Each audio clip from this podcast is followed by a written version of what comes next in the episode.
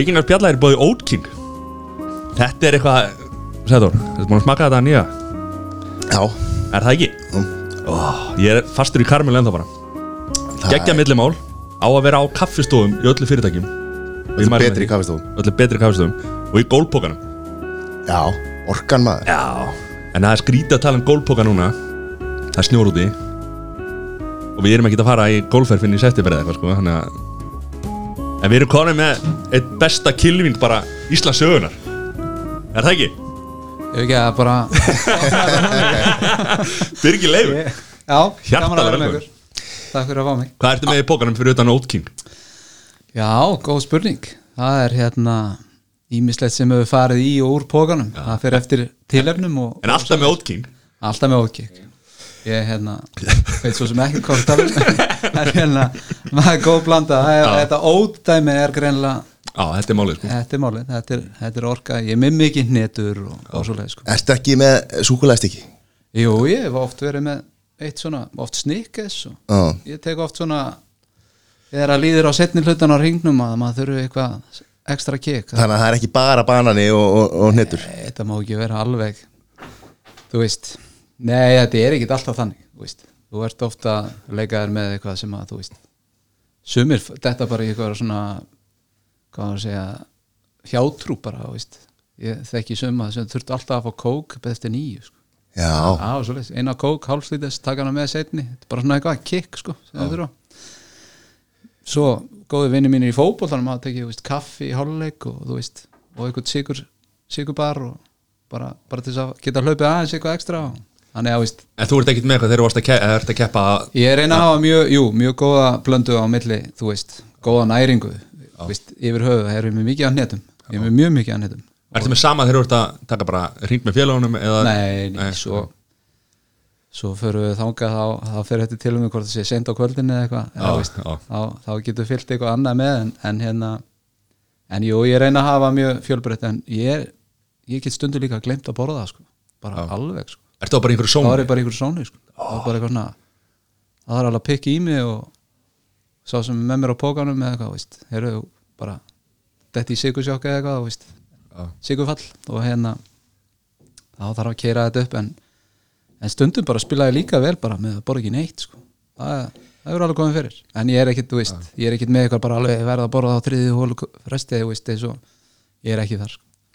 Þú er aldrei dotti í það són, segður Ha, og það er ekki að íta kerrinu og segður því að það er svo mikið að bjóri í töskun Já, Já, já. En, eh, svo- er, ertu svo er komið svo ótrúlega margt svona gel, eins og hlauparinn með einhvern orku gel og, og allt þetta sko sem að hefur breyst á, á síðustu síðustu 10-20 árum sko. Já, já, já. eh, og svona líka bara eins og segir, þetta er íþrótt sem að þú ert svo lengi, þetta er ekki fótballleikur, körballleikur, handballleikur sem að þú er bara í x mínútur, langt tímabil eins og þú segir, Mhm. já, já. þú gleymir að borða á svona, þá er gott að vera með, með góðan katti sem að sem að aðstofa mann og hugsa um, um þá hlið sko nákvæmlega, nákvæmlega þetta er langur fókus langt tímabil sem að sem að þó, þó að Matti spili, átján og tölvöld lengri tíma en þú en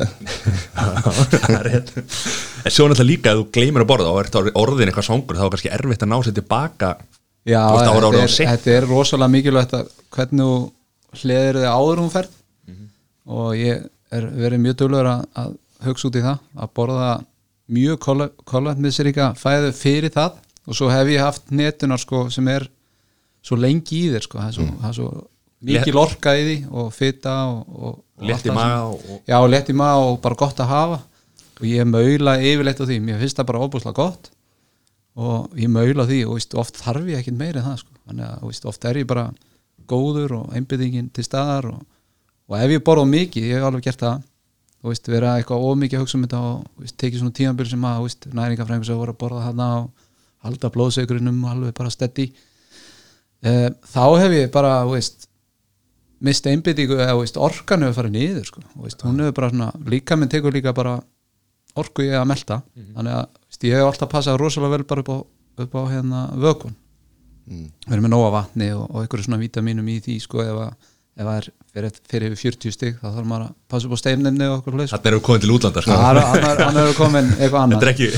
en hér er maður bara, þú veist halda sér hita og, og, og vera í netunum og, en hérna svona yfir höfuð þá, þá er þetta, þú veist, þá hver að einn að finna sem balans? Og ég held að ég sé engin undan þá, þá, ég get ekki sagt eitthvað, bara ein formúla af ykkur, og bara prófaði áfram. Og, Ég veit alveg hvað ég er að gera vilja sko, greinlega já, það, Já, hvað þetta að gera? maður er einhvern veginn að mæta alltaf beint úr vinnunni eða eitthvað, beint upp á teig. Maður er kannski fimm minútur í, í, í, í kick-off sko, og þá er maður með jumbo samlóku sko, og langlóku og kók Kúfar og já. tekur þetta allt á fyrstu þreim hólunum og svo bara svo er allt runið eftir. Ég, er að, ég er að laga þetta. Já. En ef við byrjum að byrjunni hvað, það er nú sama með aðra íþróttir. Hvað er hausinn mikill partur af þessu svona andlegi þátturinn?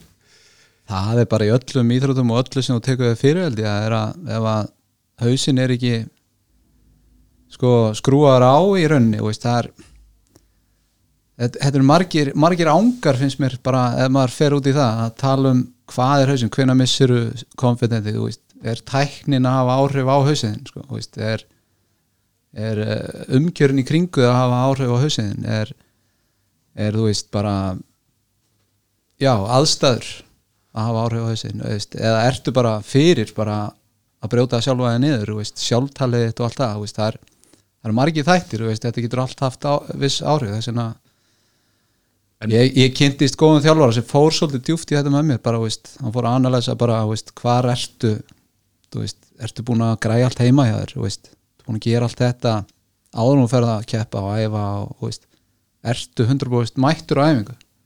Þú veist, það er bara rosalega stór spurning fyrir marga. Ertu á æfingunni, Þú veist, ertu á í keppni, ertu að hugsa um eitthvað annað? Þú veist, sem getur haft áhrif á hausinn að taka leilegar ákvarðanir.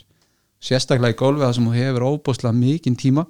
Þetta er ekki aksjón þú ert ekki að taka ákvarðan bara á sekundubrótið það sem að heldur hefur bara óbúslega mikið tíma til að þú veist, hugsa um eitthvað annað? Þú getur hugsað um bara, já, þú getur bara þú það fyrir vaskaði ekki upp maður? Já, eða, eða, veist, klára veist, ég ah, glemt að gera þetta og, veist, og þú skuldar einhver starf annar starf og veist, bara einhver að, þú veist, fókus. Og þá, þegar þetta er allt komið í lag og komið einhver svona umgjör í kringu þetta þá, þá getur þú farið að annarlega held ég, þú veist, hvenar er leikmar að klikka, þú veist, þá getur þú farið í tæknina og, og ákvörunatökur og leikskipulag og, og veist, allt þetta, þetta helst allt í hendur. Já, mitt sko ég er alltaf, maður er alltaf að hugsa síðasta högg. Pyrra sig að því, djöðla síðasta, veist þegar maður er að taka næsta högg. Djöðla síðasta högg léleitt maður. Já líka sko, ef maður er á gott hug, þá er maður djöð, ég, nú er ég komið með þá tónu á flug. það einhvern veginn. Og það er alltaf eins og í okkur, eftir bördi kemur bull sko. það er bara, eftir börði kemur það, þú Já, þekkir það ekki. það er mjög gott sko, hjá okkur er að eftir skolla kemur fugl þá ertu vel stendur sko. Þá ertu með gott svar.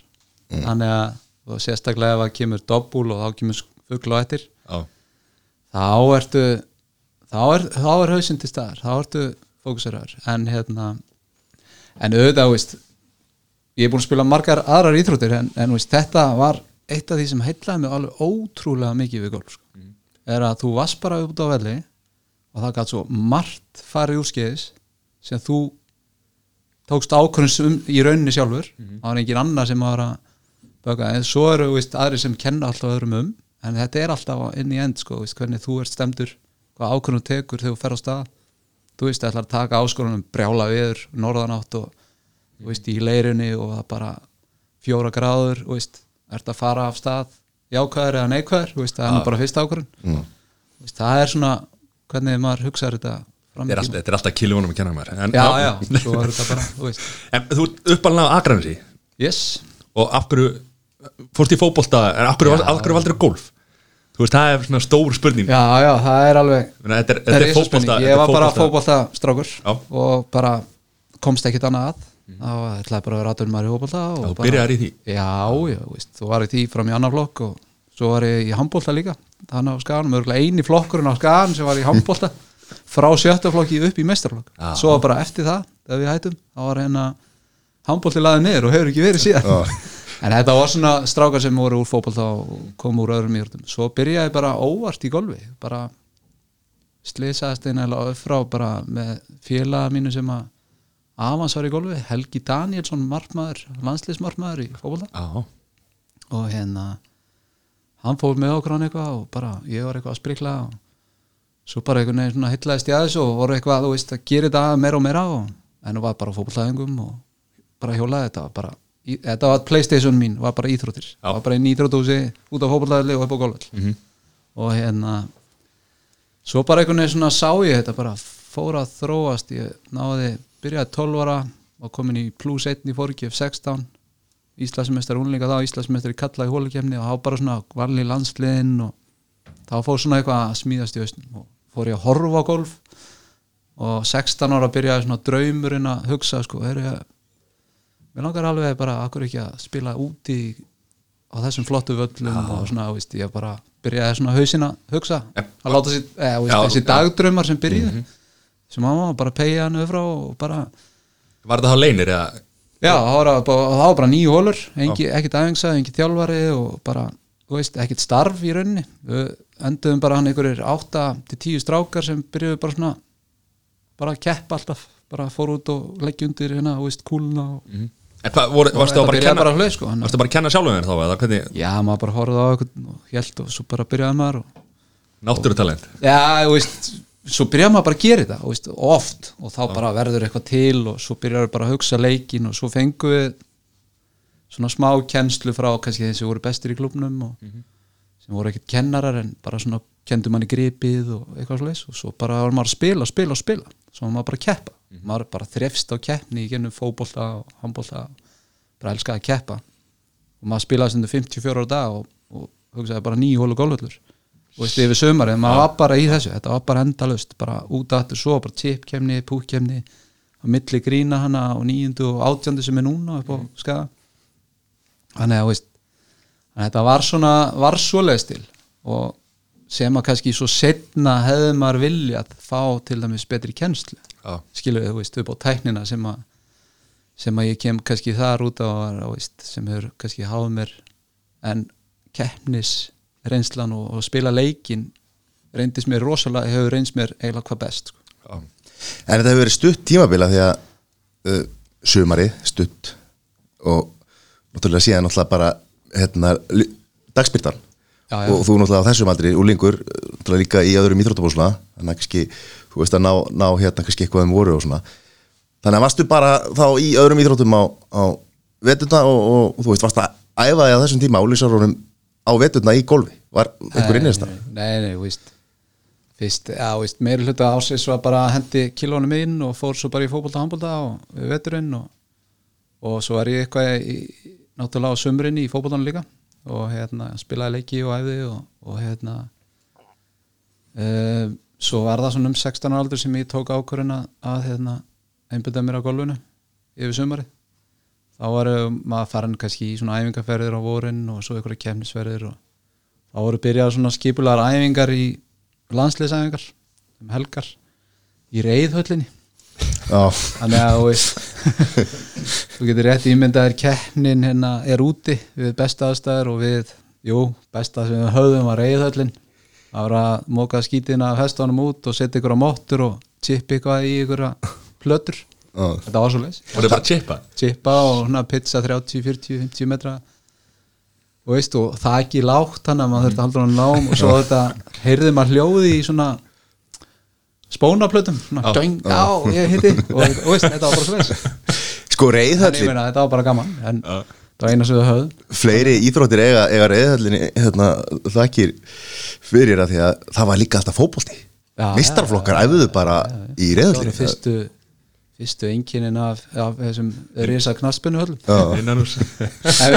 og náttúrulega skaganum og við fyrir að þangað það, sem að skagin hafði alltaf advantage var, eða forskot á hinna var langisandur við vorum allan veturinn á fullsize fótboltavelli að æfa alla yngri flokka og allt upp úr. Í fjörunni voru við kannski bara með ekki það geta stilt um fimm stórum Já. Þar voru bara mörg, þau dregin upp sko. Svo kom flóð og mörgin náttúrulega og svo voru bara dregin niður og það var bara Þannig að svo komið fótboltásin Þess vegna var skæðinni með gullaldar árin ég, ég er með þessa kenningu. Já, já. En, en ég veist, þannig að gáttu við spila þú veist, Mhm. 11 og 11 já maður er heyrt þetta að, hérna, með henni voru á parkettinu bara já, Þarna, þetta var brasilíska leiðin sko. Já, Strönd, Ströndin. Berfæðir bara í mínus. Já, já, það er ekkert. En já, og, og þetta er alltaf hefur svo breyst á, á það, þínu lang, langa ferli að, hvernig uh, náttúrulega bæði úlingastarf allt annað heldur en í dag heldur en var og, og svona, og hvernig eru er hvernig það munur á því að úrleikastarfinu núna já, nú er þetta sko. Nei, ég ætla að sagða, hver, hver er munur á úlingastarfinu á Íslandi? Þarf þetta að æfa mikið inni, stóran hluta ásins versus Sko- úlingastarf erlendis stæðsta breytingin finnst mér sko í gólfinu hafa orðið þegar um, eða sko já, þegar hérna fóru einstaklingar út að menta sér gólkennarar. PGA fóru hana fyrstu Arnamár uh, Hörður Arnason og veist, núna kallar sem fóru til Svíþjóður og mentuðu sér PGA gólkennarar þannig að þeir fóru að menta sig uh, ef við tökum þetta yfir á fótbolna það er þetta UEFA mm. veist, og það er fóru að menta sig. Komu svo heim og byrja að kenna og fullu og svona veist, byrja boltinn, svo kemur sænsku landslýstjálfari hann að eitthvað upp úr aldamótin 2000 uh, kemur og breytir svolítið svona infrastruktúrnum í golfræfingunni veist, fer svolítið, hann var mjög þekktur veist hann byggði upp tím Svíten og var með öllum bestu y- ykkar bótan, að bóta handbóltan já, veist, hann, fyrir mér var hann bara hann breytti svolítið veist, fyrir að fyrsta veist, hann uh, opnar svolítið fyrir veist, áhuga mennsku og, og eh, ef þið vita ekki, atvinnumenn í golfi og áhuga mennska í golfi landslið, til dæmis ennþá dag í dag reyndar, með ekki vera skipuð atvinnumenn. Þannig að víst, við hefum með að vera bara áhuga menn þannig að þarna á þeim tíma mátti til dæmis atvinnumenn ekki keppa neitt á Íslandi. Frá ver Íslandsmeistari 96 gerist atvinnumann 97 og þá mátti ég bara ekkert keppa á Íslandi. Bara ekki Íslandsmótum ég mátti ekki vera Íslandsmeistari eða neitt sko. og hann breytir þessu. Og árið 2003 er þetta, þá mátti ég byrja að keppa aftur. Og að þú veist, þá mátti ég byrja að keppa með liðinu mín í klubnum og uh, þá verður svona þá einhvern veginn svona fyrir okkur Ís Ísland sem er svona lítið land sem að veist, voru ekki með, þú veist, tektist engin atunumennska beint, þannig að þú var sko þannig að ég var þá náttúrulega bara eini atunumæður þá, þannig að þú veist, maður var svolítið svona palleitni í heiminum, bara vissi ekki þetta alveg þá fór hann að bjóða, með, eða bjóða mér með í landslýsferðinar, æfingaferðinar vera í kringum alla.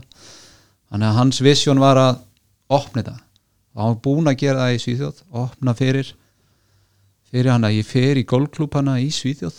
Fljótlega eftir að hann kemur þá fer ég þangað og byrja að spila með klubnu þar.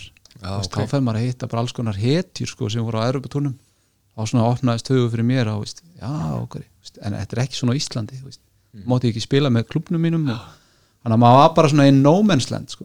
Það er eiginlega verið að refsa þig fyrir það að vera aðdurmaður Já, þetta var eiginlega, þú veist áður fyrir var bara svolítið að þú varst búin að toppa þig þegar þú nóður í landsliði sko, sem áða mér og eftir það var bara svona, heyrðu, já bara gangi ég vel bara, jú, og veist, ekki dýtla, já, sjá Já. bara og veist, bara, nei, og veist, það var ekkit svoleið það Nei, bara, nei. það var, þetta var bara ennþá að vera að riðja þessa leið og veist, hún var ekkit rudd, sko, en hann kemur og breytir þessu svolítið og opnar þetta og leifur okkur að spila og vera með og, og svo svona, myndi ég segja breytingin eftir það er að það verður stopnaður PGA skóli, PGA Ísland stopnað þessi, þessi fór að menta sig fór að stopna skóla uh, menta aðra kennara og víst, þannig að það verður svona fjölgun veist, í þessu. Þannig að svo fara klúbanir að taka hann Staffan byrja að smit, smita hann heiti Staffan já, þjálfarinn. Að allir klúbanir fara að vera með svona sama struktúr og gólfsambandi svona stöðningskerfi og, og það byrja svona flott, flott kerfi að koma í gang sko. Ekki Og- bara hver í sínu hotni að Nei, gera sitt það verður svona og svo, svo fara sumir klubbar meira á flug en aðrir og veist, auðvitað stóru klubbanir í, í Reykjavík eru náttúrulega á Reykjavík svæðinu eru náttúrulega að hafa meira bólmagn til þess að gera eitthvað og, og, og eru náttúrulega búin að þróast rosalega flott og flott batna og líka starf og kynna íþrótinu og allt mentaði gólkennar það var aldrei sko, það hafa bara kannski komið einn heimsóknum með helgi til að ykkur sem hafði áhuga að koma og kynna þetta en núna er þetta orðið svona svolítið krafa PGA félagi er orðið stórt og uh, þetta er svona kannski visjón margra þátta hjá mörgum sem kannski koma að þessu veist, að verður til svona og ég held að svona, veist, pekja gólkennar náttúrulega bara eru kannski fyrsta snerting allra við að læra golf sko. það eru svona, þú veist ef þið eru að læra golf þá veist, myndi ég mæla með því að læra grunninn og, og það er þeirra að koma og, og miðla og, og gera ánægulegt fyrir kannski börnin og byrjendur að þau læri eitthvað og, og líka, veist, hafi gaman að leiknum Þannig Er að það ekki líkir að fara til gólkennara strax? Jó, ég myndi segja það, það er, ég er mentaður líka, ég er ekki að lýsa það sko, en, en sko Já, sjálfsögðu. Já, veist, en Jó, það er, það er svona eins og í, í það er svona viss fræði í þessu sem að þú veist, er gott að hafa á hreinu til þess að koma sér á stað. Ég nefnilega fór ko, til kennara fyrst og svo fór ég að gera þetta sjálfur og var ekki góður og þú sko, þú veist, var ekki, var bara ekki að sinna þessu nóg vel. Nei, nei, nei, og svo einhvern veginn fór þetta bara allt á, á hliðina og ég þurfti að fara aftur til kennara og þá var hann bara, "Heyrðu, þú ert búin að gera þetta allt vittlust þannig ég var eiginlega koðin verra heldur en á núlpunkt sko. Það er alltaf mín ásöku fyrir því að ég er liðlegur í golfi sko. Nei, nei, þetta er náttúrulega golf þarf alltaf mikið tíma það er náttúrulega, og það ætlar að vera góður í ykkur saman hvað það er, hvort sé golf eða eitthvað þá er bara eða tíma í Já, eins og ég spurði hérna landslæsmann í pílu bara í vikunni mm. hvað er með eitthvað trikk, eitthvað, þú veist Já, eitthvað. hvernig eitthvað, það var bara já, það er bara æfing, Æfing. Já. bara mæta það var ekki sem ég var að leita eftir ég vildi fá einhver leyndamál en, en, en það verðist vera galdurinn sko það er allt í hólbóðunum sko. já, það er nei, nei, þetta er já, hvar voru þau, nú er þetta ekki já, já, við erum bara við Já, þetta er, er sko uh, grunnurinn af því að hérna, nú byrja ég mjög sent í gólfi sko, og maður alltaf bara byrjaði ég hef átt að fara strax til kennara. Þú veist, bara, þú veist, svo gerir maður það senna Mhm. og svo ætla maður hugsa maður, nú fer ég nú ætla ég að hugsa um þetta. Það var hverjum degi, slá 50 bolta að minnst kosti. Mhm. svo einhvern veginn femma bara á völlin fer ekki æfingarsvæði, vanræki það og fer alltaf bara völlir og þú veist. Já, maður æfi sig ekki á vellirum sko. Nei, veist, nei. jú, eða þú veist ekki ekki svo vel og myndi gera sko, æfingarsvæðinu kannski. þetta skiptist í tvent eða þú veist, ef þú ætlar að bæta því tækni til dæmis, þá eru miklar endurtækningar og miklar svona hugsanir, þú veist, hvað árt að setja í þetta. En svo er það líka að æfa sig á golföllum þú veist, það er keppnin. Og það ólst ég uppið í rauninni, sko, þú veist, ég ólst uppið að keppa og spila leikin taka mótlætinu þar þú veist, drullu á bak og þurfa að díla við það og þú veist, jákvæða hlutina að spila vel og höndla það og þú veist, hann er að já, hann er að við vorum sko þetta, eh, þú veist, hann er ég kynntist hinnu svolítið seint finnst mér sko, að, þú veist, ef ég hef lært kannski tæknina og onna á þetta ég veit ekki hvort ég hef orðið jafn góður strax sko, en, en kannski innu longrun hefði þú veist, það sem ég þurfti að slást við aðeins setna sem var svona mitt slæma högg sem kom sem fór með hausinn, skilur mm. veist, Já. sem svolítið setti hausinn svolítið, þú veist, að þetta högg var ekki alveg viss af hverju það var og var kannski ekki með þekkinguna og eitthvað svolítið þannig að setna mér þegar þetta kom og fór að hafa mikil áhrif þegar ég var statunumar þegar allt inn í hitti þúsund gæja sem voru jafngóður og betri en ég sko, og veist, mér fannst ég vera bara king of the world hennar sko, svo Já. kem ég út og þá bara, heyrðu, wow þá var eitt höggs, kannski bara 20 sæti niður, eitt högg hér og veist, ég var ennþá með í baráttunni sko, og veist, það var ekkert vesen. Ég gæti alveg bætt upp fyrir það en þarna var þetta bara, veist, make it or break it. Veist, þá fór maður að hugsa, já ok ég þarf að bæta mig í tækninni til þess að ná að fór ég að hugsa öðru sig sko. þannig að að mixa þessu saman er alltaf triks, veist, það er alltaf eins og ég myndi segja kannski þjálfun í dag er rosalega búin að vera mikil á tækni. Og það er kannski út af mikið af golfkennurin sem eru komað inn þeir eru með, þú veist, kannski búin að fara á fullta námski og eru bara eldklárir og hafa bara, en það er þessi þessi blanda sem þarf sko. Fara út af völl og, Já, og, og- grænda það. og þá komum við að sko veist, það sem er svo erfitt við Íslandi þú sagðir að við erum svo stuttan tíma að spila leikin sko, sem actually, veist, in the end of the day er þetta bara hvað ákvöru vastu sko? Veist, hvað var skórkortið að segja sko? En við fáum svo rosalega langt undirbúinstíðabil og margir eru að æfa alveg rosalega duðlegir og bara frábær hópur og krökkur sem er tæknilega mjög góð bara óbáslega góð. Og miklu betur en ég þegar ég var sko, veist, tæknilega bara heimin og haf.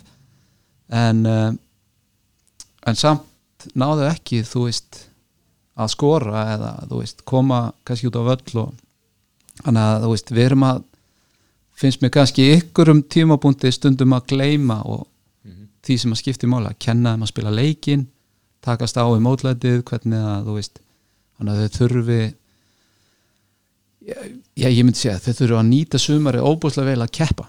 Bara keppa, keppa, keppa. Og þá komið aftur að þú veist sumi kvartin það háru mikið álag.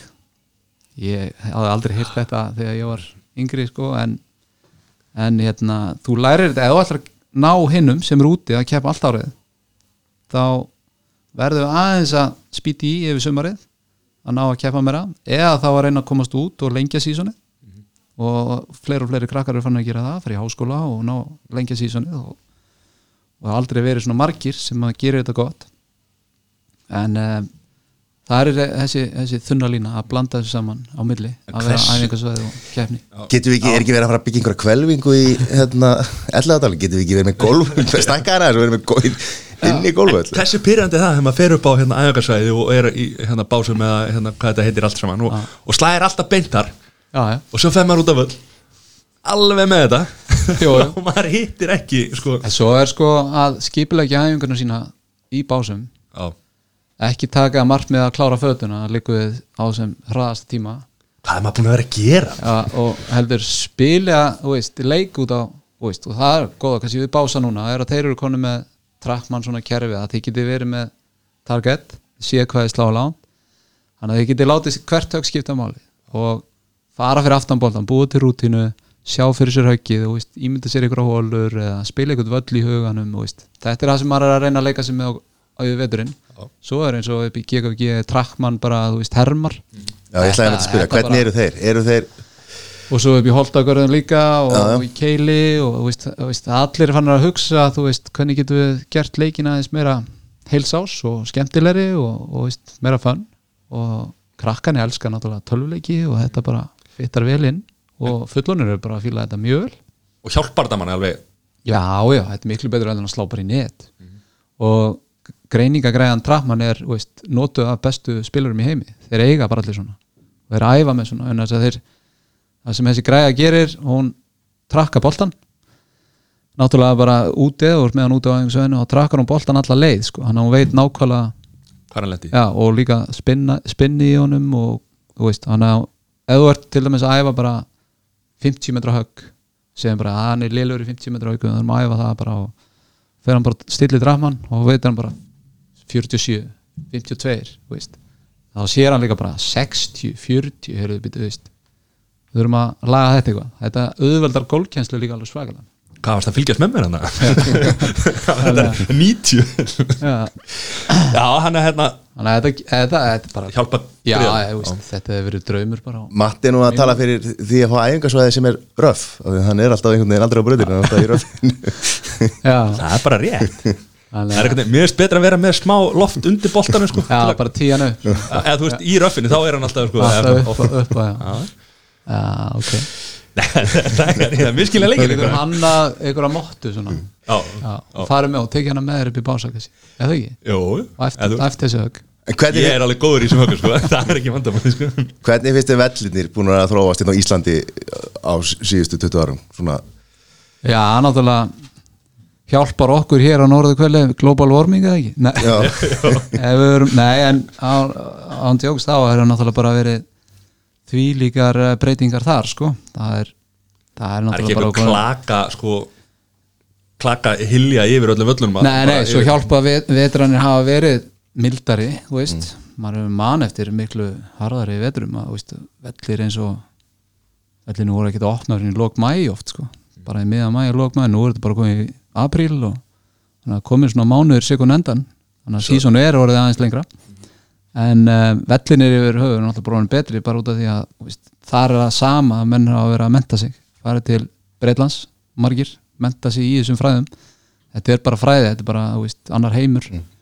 Og ég held að allir helstu golfvellir eru konum með menta fræðinga. Þannig að þú veist, þeir vita hvað er að gera ef að kemur upp sýkingar eða eitthvað, veist, hvernig er eiga viðhalda vellum þeir honum meira snirtilegri uh, sleiknir svona veist, þetta er honum meira, meira umgjör eins og í útlöndum. Heldur en áður fyrr, það er klárt. Við erum að ná, ná góðum árangur þar.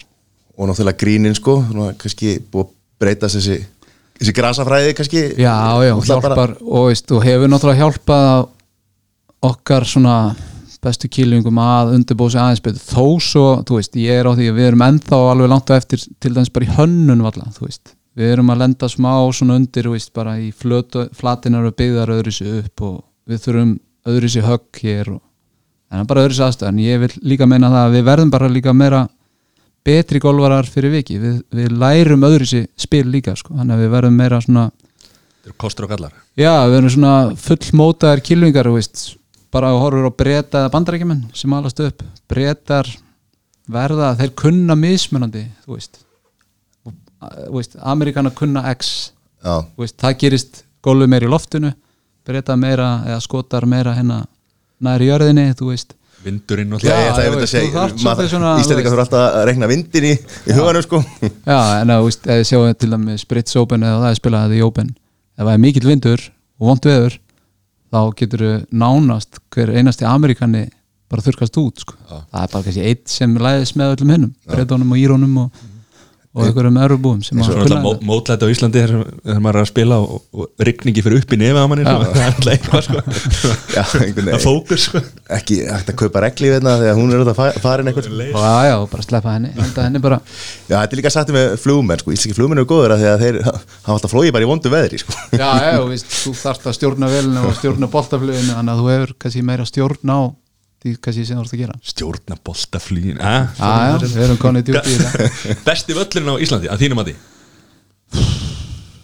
já, þetta er erfið spurninga, vond spurninga já, ég er no comment, en Jú, skemmtilega jú, jú, Ok. sko besti völlurinn sko mér finnst hérna ég hef oft sagt að korpúlstaðir hérna sjórin áin Já. er eitt besta svona layout út af því að þú spilar nánast, eða allar hringin bara eina hóli í einu eða veist, það liggur engin hóla meðfram þenni, þannig að þú veist ég er nú samt alveg hitt á landi sko að ég- ég- já, er að landið taka- er, maður- en ég er að tala um sjóin Já, áin ég er að segja að þegar maður tekur annað þá femmar stundum yfir á landi. Já, það eða svona yfirhöfuð því að ef, ef við tökum kannski öðrum Íslandsmóti og þá, þá er hérna þá þarf allur leikurinn að vera í svolítið svona góðu standi. Það er svona velli sem ég fíla og veist, oddur er líka þannig svolítið svona, þú veist, þú ert að vera beitt þú ert að vera góður í stuttuspilinu og pútum og það er allt að vera í standi.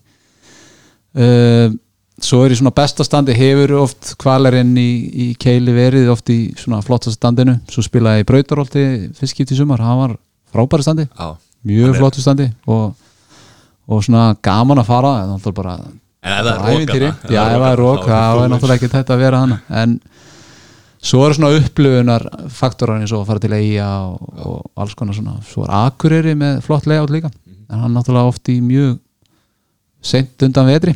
Já. en um, svo hef, þykir mér náttúrulega ofbúðslega væntum minn heima öll.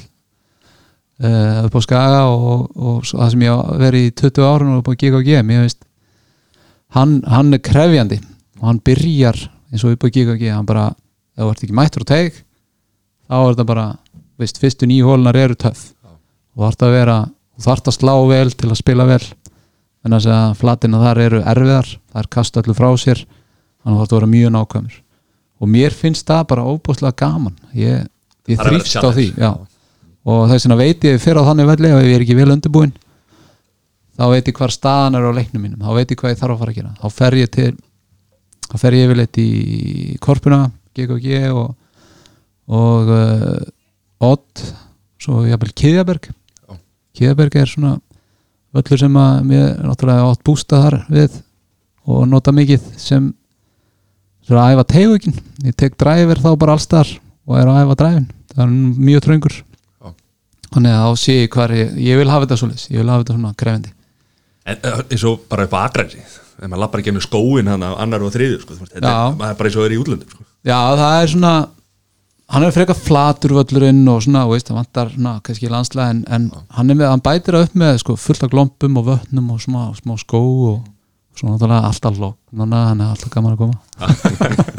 En svo náttúrulega þegar brautunar eru fram og tilbaka, sett hlið við hlið Já, sko, það er það er- er stór hættulegt. Það er smá hættulegt og líka svona, þegar þú vilt þú vilt ekki að það í svona, þegar þú ert í kemni í Íslandsmóti eða eitthvað að þú ert að keppa eitthvað og þér finnst þú vera alveg on spot on á sko, svo kemur hinn og slæsar eitthvað eða púsar eitthvað lengst út og er samt í leik og setur hann upp á stöng og fær börti og, og, og þú fær parið eitthvað, þú veist. Já. þá ertu svona oh, já, já, þú veist, ok Já, þannig að þá ertu bara já, vanalega ef þú verum kannski stórmóti úti þá þetta náttúrulega bara, þú veist tvöfaldi skolli á honum og pari á mér og þú veist, ongoing sko Mhm. Já.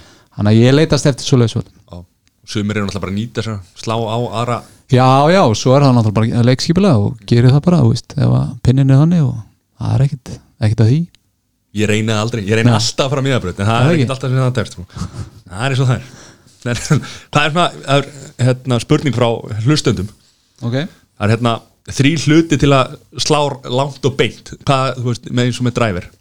Það var hérna, hvað, hvað þrý hlutir ef þú ert með einhver svona þú þarf náttúrulega mikið power eða þú ætlar að slá mjög langt. Ef þú horfir á sveiflur hraði þú ert að nota nota jörðina og sprengikraftinu vel. Þú ert að hitta á miðjuna á kilublaðinu ég held að það sé ofbóðslega mikilvægt. Ekki reyna að ná hraðan fyrst heldur ja, ef við byrjum að kenna krökkum þá kennir þeim hraða eða slá hratt og nota kraft. Svo kennir þeim að hitta stöðut á kilublaði og um, ég held að það sé ágætis kombo. Bara hraði, stöðu kilubla Já. Samt er alltaf að vera að segja mann að hæja, að hæja á sveiflinu Það er kannski að Já, maður það er að þú kannski ræður ekki hraðan sem þú ert með núna. Já, en þú ert þá með hraða Já. og uh, svo er spurning hvort að hraðin komi ómikið úr höndunum eða ómikið úr líkamannum þegar þú ert bara út um allt. Hvernig þú ert að reyfa þig. Þetta er svolítið hvernig þú reyfið þig líka veist. að ef að þú ert út um allt þá er minni líkur á að hittir hann stöðut sko. En ef þú nær að snúa og nota kraftin úr bara jörðinni og þú ert ekkert að reyfa þig rosalega mikið til liðar eða eitthvað þá held ég að þú getur unni með það eða, þú veist. Svo önnur spurning hérna frá Hjálmari. Hver er magnaðast í GoPro manneski sem þú hefur hitt á ferlinum og af hverju? Já. Ég eh, ég verða að segja að þegar ég spilaði ég var fyrsta ári sem öðru ári sem maturum var þá spilaði ég með Bernhard Langer og tók æfingaring með hann og það var fyrir opna spænska mótið á Europtunum 1998 takk fyrir. Minnum hann á hvað tími líður. Það er þrjú á síðan. Það er þrjú ár síðan. Og hérna það var eiginlega svolítið wake up call fyrir mig. Hvernig þá? eh, bara hvað ég átti kunni ekki neitt sko. Og hvað hann var bara frábær og hjálplegur og, og hvernig hann skipulaði sig og hvað hann var stöður og hvað ég var bara eitthvað svona lamp eitthvað staðar vilt út í náttúrinni að leita að ykkur um draumi sem að hérna, þú veist, þetta var bara svolítið svoleiðis. Það var bara blöðtuska og uh, sem að sem að svona kvatti mig samt meira heldur en bröð mig niður sko, þú veist, ég er náttúrulega alltaf þrifist á því að reyna bæta mig og vinna ykkur sem er betri en ég í runni sko, hann að ég hef alltaf unni, unni þetta svo leis en þarna var og hvað hann var líka bara eitthvað svo með þetta? Hann var bara svo flottur og mikið pró og, og leis en svo náttúrulega skrautlegi karakter eins og John Daly og hefur spilað með honum? ekki spila með hann, bara verið í kringum og hitt hann og, og veist, hann er náttúrulega Það mín sér fyrirmynd, kapitúli já, ég hérna las æfisöðunas Já, hún er náttúrulega bara skildulesning því líkur. Það er ekkert verið auðvelt hjá honum sko en, en það var gaman að fara í gegnum það. Því líkur talent algjör talent, íþrótt og talent en, en náttúrulega hann fór, fór aðrar áttir. Veikur líka. Já já, hann er með öðru sér element. Skrautlegur alltaf.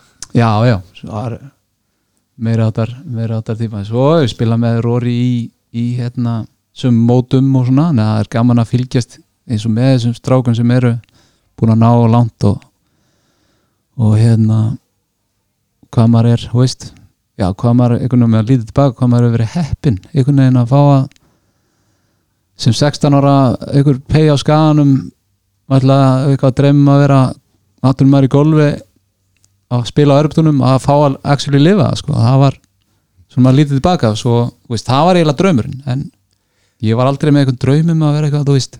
En þess að það var svo eitthvað way beyond svo fór það einhvern veginn að gerast að reyna ná top 50 heimi og eitthvað svo leið, sko, það var alveg þannig að ég er svona horfið tilbaka var bara svo mörg, moment, líf vest út geggja kilvingu sem ekki unni risamót. Þú veist frábærir, fullt af frábærum gólurum sem að maður bara svo frábærum gólurum sem hafa hætt og snemma. Já. sem að bara hefði geta orðið þú veist, maður sá fullt af talenti sem bara veist, höfðu ekki fjármál til dæmis eða bara alls konar sem að þættir sem að spila inn í. Mhm. það var slegilegt að ferðast. Þú veist, bara ömulegt að ferðast. Og bara þurfti að hætta? Skellir það var bara skellur sko fyrir það, eða bara leið illa bara Já. í ferðalöfum, þetta er ekkit fyrir alla sko. Sem er haldið að þetta sé bara einhver draumur og veist, jú, golf og, og hótel og bara ferðalöf bara, getur ekki óskaði betra en, en þetta er ekkit alltaf svoleið sko. Já, já, þetta er, þetta er náttúrulega bara ægi og mataræði og, og æfingar sko. Já, já, þetta já, er, þetta, er, þetta er bara vinna í raunni og, og þegar það gengur ekkit vel og þá hvað tekur á móti þér, það er hótelherbyggi og, og eitthvað hugsanir um þú veist, hvað ert að fara að gera og veist, hvernig ætlar að ná þessu og veist, næsti ringur og svo næstu tvær vikur í mót og þú veist kannski algjöru tjóni og veist, eitthvað, veist ekki alveg hvað það er og það er alls konar svona í gangi sko. Konan og fjölskyldan heima bara og þú- já, já, þú veist það eru fullt af pælingu sem fari í hausinn í gegnum hausinn En fannst þér á, á þessum tíma sem að þú ert að byrja og þú ert með hennar draum mm. var eitthvað svona uh, viðmót í fólki bara, eh, við Íslendingar erum ekkert í aðdurumersku gólfi, þetta er bara, veist, það er einhver ekki gert þetta og, veist fannst var- þú svona stuðning, eða fannst svona þú, þú, þú það var að, náttúrulega mjög nýtt sko og, og hérna sko ég náttúrulega fekk þetta tækifæri eiginlega bara upp í hendunar ég var komin í háskóla út í bandarækjana eða veist, var að undirbúa það og búin að taka prófinn og fá skóla og, og hérna svo koma til mín bara félagar úr hérna mullinsvélinni, valsmullinsvélinni uh, þeir voru búin að ræða saman og, og hérna búin að stofna hlutafélag og vildu sponsora mig í þrjú ár í aðlum sko. ég er náttúrulega bara þú veist, þurfti ekki að hugsa neitt meira og veist, þetta á bara dönd ill og, og þú veist og þvílík, þvílíkur heiður svona fyrsti kannski einstaklingurinn í íþróttum á Íslandi sem fæ bara svona samning fyrir að gera statunum að það er í ykkur íþrótt og þeir sáu bara um mig og í þrjú ár og þetta var bara hann er að drauma sér nærjá fyrir mig og en ég vissi ekkert hvað ég var að fara að gera sko. ég var bara allt í nú, já ok, bara aturmaður og hvað svo, jú, eitthvað skipulega fór í gang og, og allir einhvern veginn svona að reyna að vinna hjóli bara saman sem að kannski og allir lærðu af sko, ég held að það þessi fyrstu þrjú ár voru voru risa skóli sko og hérna náði árangri mjög fljótt náði fyrsta ári bara inn á Europatúrin hluta og inn á Challenge Tour annar deildin fullan og svo spilaði ég einhver fjögur fimm mót fyrsta árið svona hann að ég fekk hluta stöðu og svo var þetta svoleiði svona ongoing þannig að ég var alltaf svona með aðra löppin inn í þar. En um, svo lendi maður bara á veist, risastórum vegg sko, þegar maður búin að kannski ofkera sér bara. Veist, maður bara maður ætlaði sér allt og svo var maður bara búin að vera út í 20 og eitthvað vikur bara einn á ferðalagi og bara elda eitthvað mót og æfingabúður og þú veist út af maður held að, þú veist, að vera þar. Svo allt einu var bara gleðin farin sko, ég, veist, ég var bara í einhverju svona hjóli sem bara, þú veist, gekk og svo gekk þessi ekkit vel.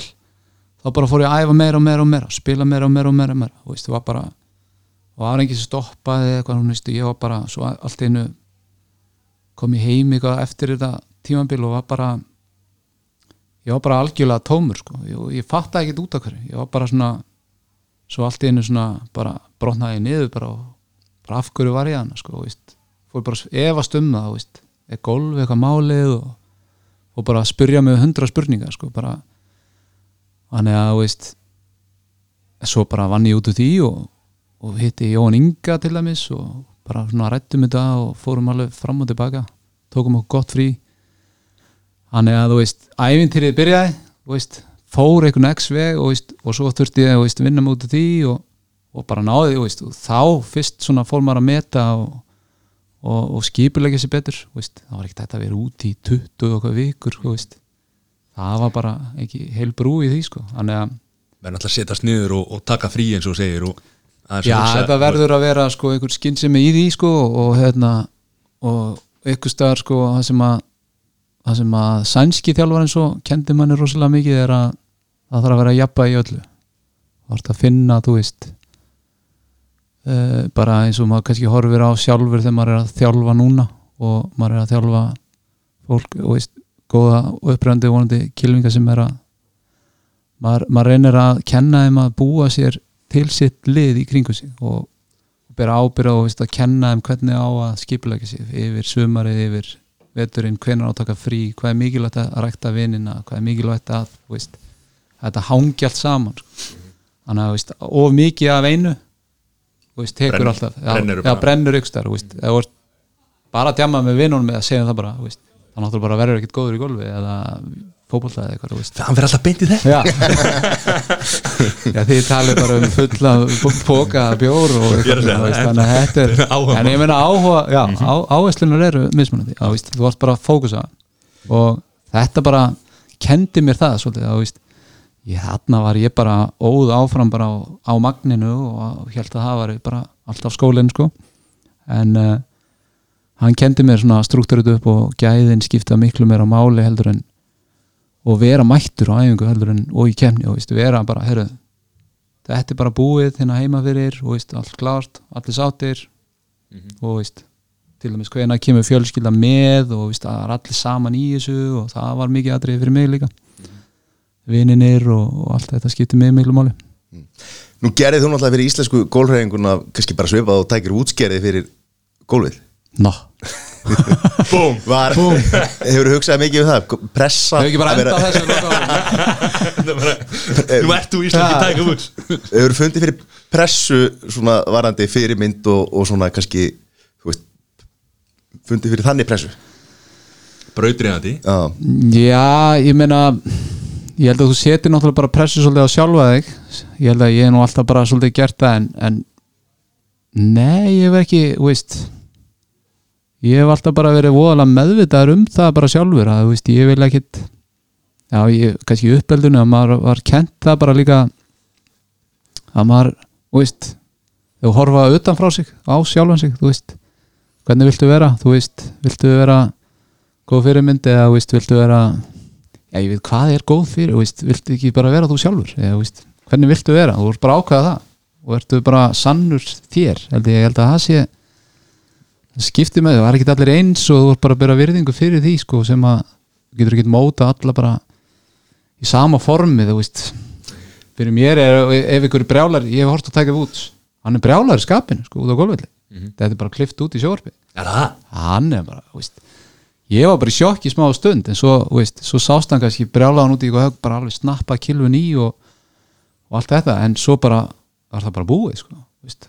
En ég er ekki að hvetja menn ég að gera, sumir þurfa bara að losa einhverja spennu út á gólvöldunum en svo svona fyrir utan gólv hef ég nú bara, þú veist, reynd að vera bara ég sjálfur sko og ekkert eitthvað að vera að passa upp á, veist, hvað sem er sko ég var að tala um pressuna þegar, þegar þú ert að keppa þá er, þá er Ísland að keppa Já, ma- þú meina þannig pressa Já. Já, jú, jú, jú, jú, jú, jú Ég hef Jú, jú, maður hefur náttúrulega alveg fundið fyrir því að, að hérna og, og ég get alveg viðkynna að stundum hefur maður alveg hugsað út á golfvelli þú veist þegar maður er, já, já, og veist þegar maður er, maður, veist bara tölum bara íslensku, þegar maður er að skýta upp á bak og maður bara, pff, á, þá er ég að svara einhverju blaðvittali eða og þú veist, hvað á ég að segja og veist, maður bara, og veist, þetta er út af því að maður hefur svo mikið tíma út á golfvelli Mhm. og þetta er bara einn af þáttum sem að, veist, allir segja, á, mátti ekki hugsa svona. Uh, ég ræði ekkit almennilega en ég get alveg snúi blaðinu við, þú veist, þegar það gerist sko, skýru ég eins og, eins, og, eins og er alltaf sagt sko, þú mátt ekki hugsa um ákvörðu og ert og fortíðina og framtíðina þú veist, ég sé bara bullshit. Eða þú getur ekki hægt að hugsa um þetta sko. Sérstaklega þú mátt ekki hugsa um Nei, þetta Þá hugsa um þetta. já, þá, þá pyrra bara bara þú veist. En, en þú veist, þú eru að finna leið það sem þú getur snúið þessu við og sagt þegar það kemur hvað gerir til þess að snúa blæðinu við akkurat þegar þú ert að fara að slá til dæmis þá er ég bara búin að þjálfa það upp sko. þegar það er búið þá bara veist, er ég bara mættur og sveið þetta er bara mitt són og reyna að finna sónið og ég ætla að gera þetta og hitt veist, það er eina Hugsar, ertu, þegar þú ert að taka högg Hugsar þá alltaf bara höggið er, er, er, Hvað ertu að hugsa þegar þú tekur högg?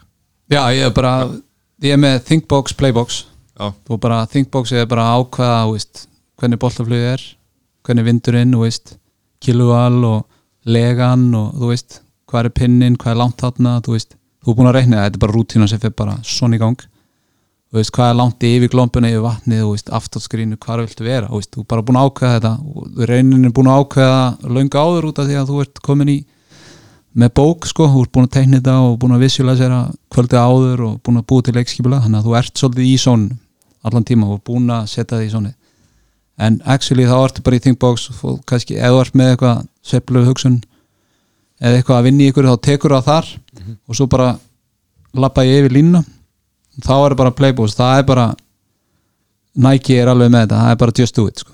Já. þá, er, þá reyni ég að vera það veist, það, það er bara mindsetið en svo er slagurinn þetta zone og ekki zone þú veist.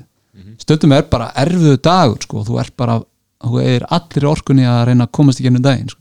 þá þarftu eitthvað svona B-plan og þú ert að vera með eitthvað högg sem þú treystir alltaf og þú sér það hjá, hjá þessum kilvingum og ég held að ég held að þeir sem eru bestir í að ná að komast í sóni sem oftast veist, þeir eru búin að finna leið í það þeir eru bestir í heimi. Hinnir eru svona að dansa þetta er svona spurningu 0,2 högg að meðaltali eða 3 högg sem á milli 100 bestu og besta að meðaltali skori og yfir sísón þannig að þetta er ekki meira það sko. þannig að veist, þeir eru bara oft svona aðeins lengur hérna og veist, er ekki að droppa inn og út sko, eins og oft. Þannig að ég man ekki eins og spurninguna. Nei, bara, hvað, hvað er þetta að hugsa þegar þú ert að slá skilur Já. bara hvernig hérna Já, veist, bara, að já, það er þú veist, taka ákvörðun, hvað ég ætla að gera. Ég er alltaf að reyna bara að hitta boltan hitta boltan, hitta boltan Ef að leikmenn í United myndu vera með þetta hugaferð það myndi svona ganga eitthvað hjá okkar mönnum sko. Er að já Jónæð maður hana líka, við erum sammeðilegt Já, alveg Ég er ánægð með, Óli já. Ég hérna vil, þessi hérna ég er ekki að benda neitt nema hérna bara hérna hliðina á mér. Já. hann er svo mikið óleg átvagninum ég er að með bara að já, ég vil svona, svona tekur allt tíma. Já. Þetta, þú veist, ég ég fíla það menn hugsa sko hann tók aðeins út fyrir bóksið það sem búið, hann brautið upp sko, Já. losaði sig við einhverjar Sanchez, Lukaku Já, eitthvað svona sem var ekki alveg að gefa gott væpi og er að sapna sér inn í klefan sem að eru tilbúinir að deyja fyrir málstæðin vonandi. Það er blómáli sko. Hann hann að Poppa fær ekki að fara aftur inn í er Ég held að gefa hann séns núna held ég og svo bara ef, held að, ég held að hann sé nú örgulega búin að ákveða að selja hann sko. hvað ertu þarna? Ég vil ekki sjá hann. Ég vil láta hann fara sko, og reyna að fá tvo í staðinn sko. ég vil bara að við losum okkur alla menn sem að Raiola hvað er hann, umbósmaðurinn hann Já, ég, ekki það er allavega eitthvað Koma stefna við. komin í það sko. þannig að hann var að ekki var- komið með hann líka Lingard verður ekki að láta hann fara Já, var, já. við varum að vonast til þess Já. Já. hann hleypur mikið en það gerist ekkert mikið á baku það Nei, nei, hann var að skorur ásfresti hann var að reyna að kleima marki í gæri hann já, að það Shaw skaut í hann og eitthvað. Luxjó er nátt að sjá, sjá vera mikið góður og, og gefa honum eitt mark Ég er að segja það, sko. í gang. sjálfstörsti En hvað eru Hvað er mikilvægast að kíló? Hvað, ef þú ætlar ef þú ætlar að með hendinni já, nei ef þú ætlar að hugsa um eina kíló sem þú þurft að vera já, góður, er fyrir, það vets eða driver eða, eða bútur fyrir mig ef ég tek bara frá mér ég er rosalega góður að slá ég er góður að teik ég hitti mikið af flötum ég er ég myndi segja af statistíkin ég er bara eh, þegar ég var örfnum var ég topp 12 hittum flötum en ég var dead last í putting sko. þannig að Aha. Já, hann er að, veist, ég myndi segja pútturinn fyrir mig þegar ég, ég er samt get pútað ég verður svona stuðpútari en það getur liðið ábúslega mikið á milli, ég er eins og lingart sko. en hérna ég er bara, þú veist, ég get alveg dottið út sko, en ef ég detti stuð á pútinum þá er ég bara að fara að vinna mót með sko, eins og ég gerði svo hana, ég vann mót bara með sjögum og, og hérna en það, hann getur verið svo óbúslega kaldur hjá mér og stutt að spila svona og ég er svona reynda að leita ráða á þessu og, og hérna kannski ekki ekki treystninum alveg einhvern veginn nógu mikið fyrir út af því að ég fór kannski á sínu tíma að reyna að laga þetta þá fór þetta svona fram og tilbaka og það var svolítið svona handofskent og ekki neinn þannig að ég, ég treyst engum að kannski komið meiri rannsóknir núna núna væri ég til að vera að koma upp sko, með það sem ég hef og vera að laga þetta þá get ég verið er Já, ég held að ég, þá væri ég bara í toppmálum sko. Eru það dýrustu mistökin á, á vellirum hjá kilvingu, það er að Putin missa kannski 75 cm Já, ef þú getur ekki dræfað þá áttu ekki breyk í dag. Ég segi að tegu, þetta byrjar allt teguginu þú veist, ef þú ert með góðan dræfur slæði langt og nokkuð beint þá ertu með risa advantage sko. og en ég held samt sko innan við 70 metra og í kringum flatinur og púta ef þú ert exceptional good þar sko þá getur Alltaf redda þér Já, þú getur þjenað eins og maður segir, þá getur þú lifað aðeins betur á þessu heldur en ég held að þú verðir að hafa það sko. Það er bara ég svo held að böggat það sem hefur vantað á mér til þess að vera bara top 50 í heiminum var þetta þetta, þetta element. Putin þá? Já, bara stuttaspil í kringu flatinar og uh, Putin ég held að það var svona það var bara ekki á pari við, þú veist ég held ég að bara verið, veist ég var frekar bara aftalega þar sko. ég var frekar bara, já bara starrend ég var frekar aftalega þar og, og þó svo ég vissi alveg, ég kann alveg tæknina og svona, en ég veit ekki hvort að komið út á þjálfunni sko. Setna mér, þú veist hvort það var að ræra of mikið í mér eða að ég misti sjálfströstið og fór að efast og það var svona eitt partur í þessu. Það skiptir miklu máli hvernig þú tekur skrefið í þegar þú ætlar að breyta. Þannig að þú veist þú lærið það svolítið, ég fór svolítið ekstrím að reyna að breyta öllu.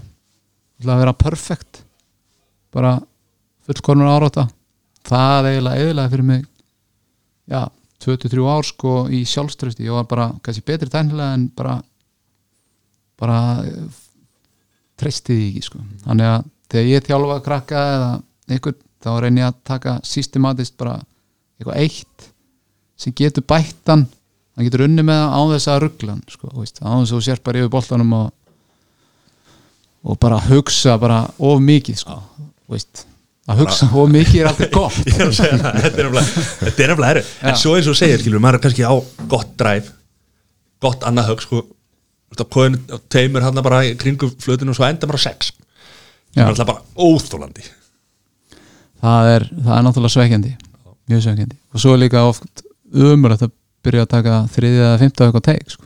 ef þú ert ekki góður að slá á teik Alltaf þessi að, þú en, sko. en ef þú ætlar að ná langt og vera, þú veist, þú ætlar að að greina veikleikana og hvernig þú ætlar að tækla það og svo byrjar bara að vinna út frá því. Mhm. sem þú byrja í golfi þú sumir eru bara betri í ykkur öðru. Svo byrjar þú bara svona, heyrðu, hvernig getur þið bætt þegar þú farir að spila betur?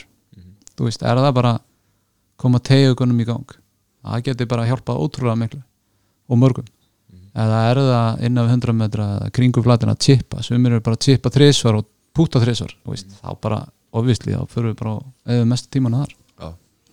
þannig að ég, Þetta snýst allt um æfingar maður þetta snýst allt um bara, já En að hvað- tíma, tíma á æfingar Hva, en hver er ábyrg kilvunar? Hvað heldur að fólk sé með rángar kilvur? Eða Já, ekki sem já, hendar? já. Heldur sem, þú veist, ég held að séu rosa Þetta margir að sem skjóta á YouTube núna hérna, rosa margir sem að veist, fara á kaupurkilfur Mm. og en kannski og er ekkert að spá í en kilvurnar skaftið og allt saman hendar kannski ekki, ekki vel. Hvað ámar alltaf að fara í einhverja mælingu eða hvernig er best að finna sína kilvur ef þetta byrja í golfi þá náttúrulega rosalega er þetta að fara í mælingu. Þú verður að vera að koma með eitthvað grunn og eitthvað sveiflu og eitthvað sem hættir að mæla út frá. Þannig að eh, ég myndi alltaf byrja bara að mæla með að fara kaupa sér eitthvað svona byrjandapakka eitthvað hálft sett og koma sér á stað og svo þú er komin og fara til kennara og læra grunninn og koma sér veist, í gang. Og svo byrja bara að spila og svo byrja púslega púslast og svo byrja að hafa meira áhuga að fer sjá smá árangur og byrja að sækjast eftir ykkur. Og svo ferðu. Já ok, heru, fyrir mælingu og komið svona sveifluna sem ég get unnið út frá núna. Þá geta kilfur virkilega komið inn og hjálpa þannig að það er svo rosalega flóra núna af kilfum og frábærir og veist, greiningagræður í þessu og mælingar veist, mennur að menta sig í þessu og, og veist, alls konar pælingar sko, að sem ég er ekki sterkur í, það er ekki mitt sérsvið. Ég læta al, aðra um það sko, að ég beini öllu mínum bara, eitthvað annað. Er félagi okkar, YouTube-jón, hann, hérna, hann, er, hann er með 35 í fórgjöf Sorry, en eh, ég var bara að segja þetta. Og hérna, hann er á þriðja settinu sínu sko. Já, og það er bara alltaf nýjasta setti og besta setti sko. þá er hann alltaf með afsökun að það sé ekki kilvurnar sko. þetta er já, hans. já, já. Já, ég vil með að vera kilur og, og geta kært kilvunum um. Dólta kilur sem ég er með þetta.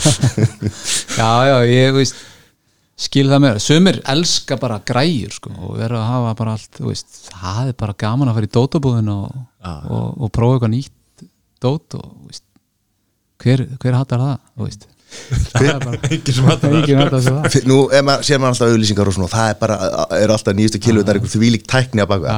Finnst þið kilvu, kilvunar og, hausatir finnur þú rosa mun á 20 árum á, á, á þróun í kilvum Já, já, kilvunar og, og boltinn sérstaklega og svona hafa svona tekið viss elementi úr leiknum, þú veist. Áður fyrir þurftu miklu meira að búa til högg sko, þú veist. Út af því að boltinn var þannig hann spinnaði meira og uh, kilvunar gáðu líka meira spunna og, og hérna, þú þurftir að vinna meira með boltaflug. Ný, núna í dag er þetta meira að, þú, veist, þú ert að hafa fyrir því að beigja boltan sko, eða þú ert á levelin okkar sko, þá ertu svona alveg að það er erfiðara og hérna og þú slærið alveg lengra en ekki eins og að vera veist, síðust 20 árin það var alltaf bara 5 metrum lengra þú veist, 3 metrum lengra þú veist, 10 metrum lengra þú veist, þú allar þetta upp þá er ég að slá 500 metra þú veist, síðust eftir 20 ár sko, það er ekki þannig sko. Og er þetta framför, er þetta, er þetta svo var? Skemma leikin Nei, ég ég farið fram og tilbaka út af að ég er svona artist í hugunum, ég, mér finnst gaman að þú veist búa til boltaflögu og, og leika mig með það, Mér finnst að, og ég kenni krökkunum sem ég er að þjálfa, rosa mikið þannig út af því að þú veist, það er sköpun og gáð sem þú ert að, þú fær meira vald yfir þessu en ég ég veit ekki hvort sé að, veist, fara eitthvað með þetta en, en, en ég held samt sko leikurinn í dag er meir, meira sjó. Áður fyrir var þetta meira svona art sko, menn voru að vinna með, boltaflug og maður sá alls konar högg þegar maður horfði á Sevi þá var bara spennandi að sjá hvernig hann listi þú veist, bara bananabolti eitthvað frá og veist, Bubba Watson eiginlega svona eini artistinn Tiger Woods jú líka en það er svona old school. Þú sérð munin í dag á old school eða, eða nýju krökkunum sem eru að koma upp. En uh, en svo er sko næsta sprengja í sér held ég sko uh, hvað menn slá gríðarlega langt sko. Þú veist við erum að fara að sjá það sko. Ég held að, að nú er komið búið að mæla upp hvernig þú notar kraftin þetta er, þetta er ein mesta explosion reyfing íþróta, golfsöfla þetta er bara, hún gerir svo rætt sko. Uh, það eru ekki margar, eða, ég held að sé bara mjög fáar íþrótti sem eru að vinna með svona snúningskrafta og explosion frá jörðinni. Og ég held að það sé muni vera næst að menn ná að stjórna og slá virkilega bara 350 metra meðaldali sko. það er að koma upp kynnslóður sem eru þar. Og ég held að menn hafi áhyggjur af því að vellinir eru bara out of date fyrir það og þá þarf bara meira landsvæði eða eitthvað slúðis en ég segi bara af hverju af hverju höfum við ekki bara eins og leifum bara, þú veist bæti við bara einhverjum klompum eða eitthvað, þú veist, þá nær flötinni. Já. bara raðar þeim eitthvað lengur upp. Bara go for it, le- þú veist, fólk vill horfa á þetta. Fólk vill ekki fara að horfa á aftur einhverja 250 metra meðaltali og, og, og eitthvað svona. Íslandsmóti þarf bara að fara fram einni, einni hólu þarna í, í leini hvað, hérna, númer hvað er hún? Þannig að 500, er hún ekki rúmlega 500? fjögur. 600 með, eh, 600 með 600 metra, Það? Já. er ekki sjöunda. Sjöunda? Já, já, já Númer fjögur er hana samt Hún er alveg heldur lög líka 500 það ekki? Eftir par þrjú hana Fjögur. Það ekki hver, byrju. Númer fjögur á, á leini Já, hún er, já, hún er þeir eru búin að leggja hana. Jú, hún er, hún er alveg 490 fimm, Nei, hún er 500 metrar eitthvað leis, Já. á eftir steg Já, slaka á Það er ennþá bara á hinum önum. En hvað hérna nýja forgjafa hérna Ruglið hérna Hvað hérna Við vorum aðeins að fara yfir þetta á hann hérna. Já, Hvað, sagður, erum við að tjekka forginu þinni? Nei, það er alltaf búið, sko, Búið að breyta þessu það kom að það, nú kynnt mér alveglega, nýja kerfið þarna, þú veist, og þá fór þeir að breyta teigunum, eitthvað, í, í, í kringu það, sko, sem er vantarlega þessi þróun að, Ég ert að tala um þetta 54 og eins og, eins og, eins og golf og að allt er að glíma við, það er að glíma við tíma fólks, tímafórs, slást við og já, slást við aðra, aðra afþreyingu og, Já. og annað, sko, en, ég er ekki, er, er, þið voru að segja mér, er fólkið er mér búin að breyta síðan í fyrra það? Já Er, ég- er ég komið með fimm í fólkið? Nei, ég heldur sér komið að tölur meira það sko Það voru að kaupa ykkur nýja Sirius bakka fyrir 5 Nei, forgjáðamálið, já það er alltaf eitthvað að breytast og hérna þegar ég ólst upp var þetta bara höggleikur með og án forgjár þannig að þú gast ekkit farlega á baku að sprengja eða neitt sko.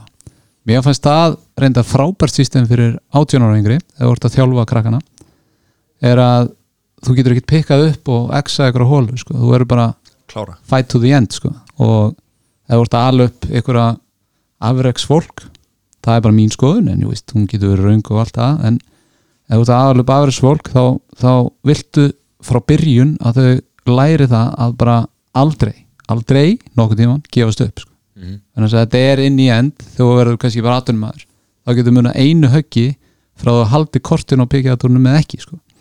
Þannig að þú veist ef að kemur veist, tímabil sem er rosalega mikilvægt að þau læra bara að forgjöfi að það er lækkaði forgjöfi í dag en, en var með kannski 2-3x sko, en spilaði 15 hólur rosalega vel. Mhm. það telur ekki neitt þú verður veist, ég skil konsepti sko eftir það, flýta leik og allt þetta, bara frábært það var bara geggja kerfi.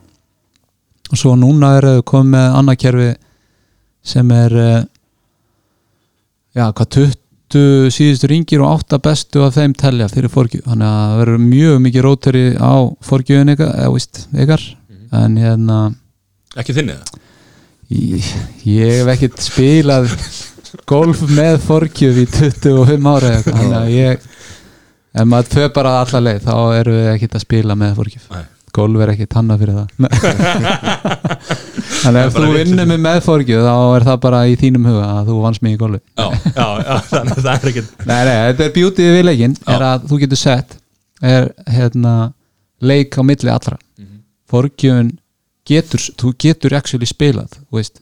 Þú getur ekki farið í tennis við, við Roger Federer sko, og fengið tí, eða veist þ- þrjú sett af fjórum í forgjöf hann myndi alltaf vinna í fjóður þrjú. Mhm. þú veist, í golfi getur það. Já, það er bara, það er er beautyð við Svo varst mér líka alveg magna hvernig þegar maður var, er, var óörugur bara með sína háu forgjöf og, svona, og, og Mhm. svo skráði maður sér í gólf og það var einhver lág fólkjaða maður sem var að spila með þér. Þú veist, yfirleitt er þetta alltaf bara mjög já, gott fólk og það er engin að veist, það er ekki að vita allir að þú byrjar einhver staðar og, Já, veit allir að veist, þetta er svona sem háir mjög mörgur sem er að byrja, séu fyrir og maður fær þetta oft þegar maður er að kenna svona, hann er að en þú veist, alltaf veist, ég allavega aldrei vita til þess að einhver já, ég menna ykkur að unda þá er að sé einhverjir sem eru bara illa upplaðir þá eru bara þeirra. aftur að því, já, eru þeir á golfvellunum út af því að þeir eru pyrraðar starf annar staðar, sko. þá er að taka til þar áður en fara á alveg rétt Þannig að þá er bara eitthvað, veist, eitthvað að skemma sko. og hausinn farinn og þá bara tekur út á næsta manni eða eitthvað og það, er bara menn í basli en, en hérna yfirleitt bara allir bara bara mjög líbó sko.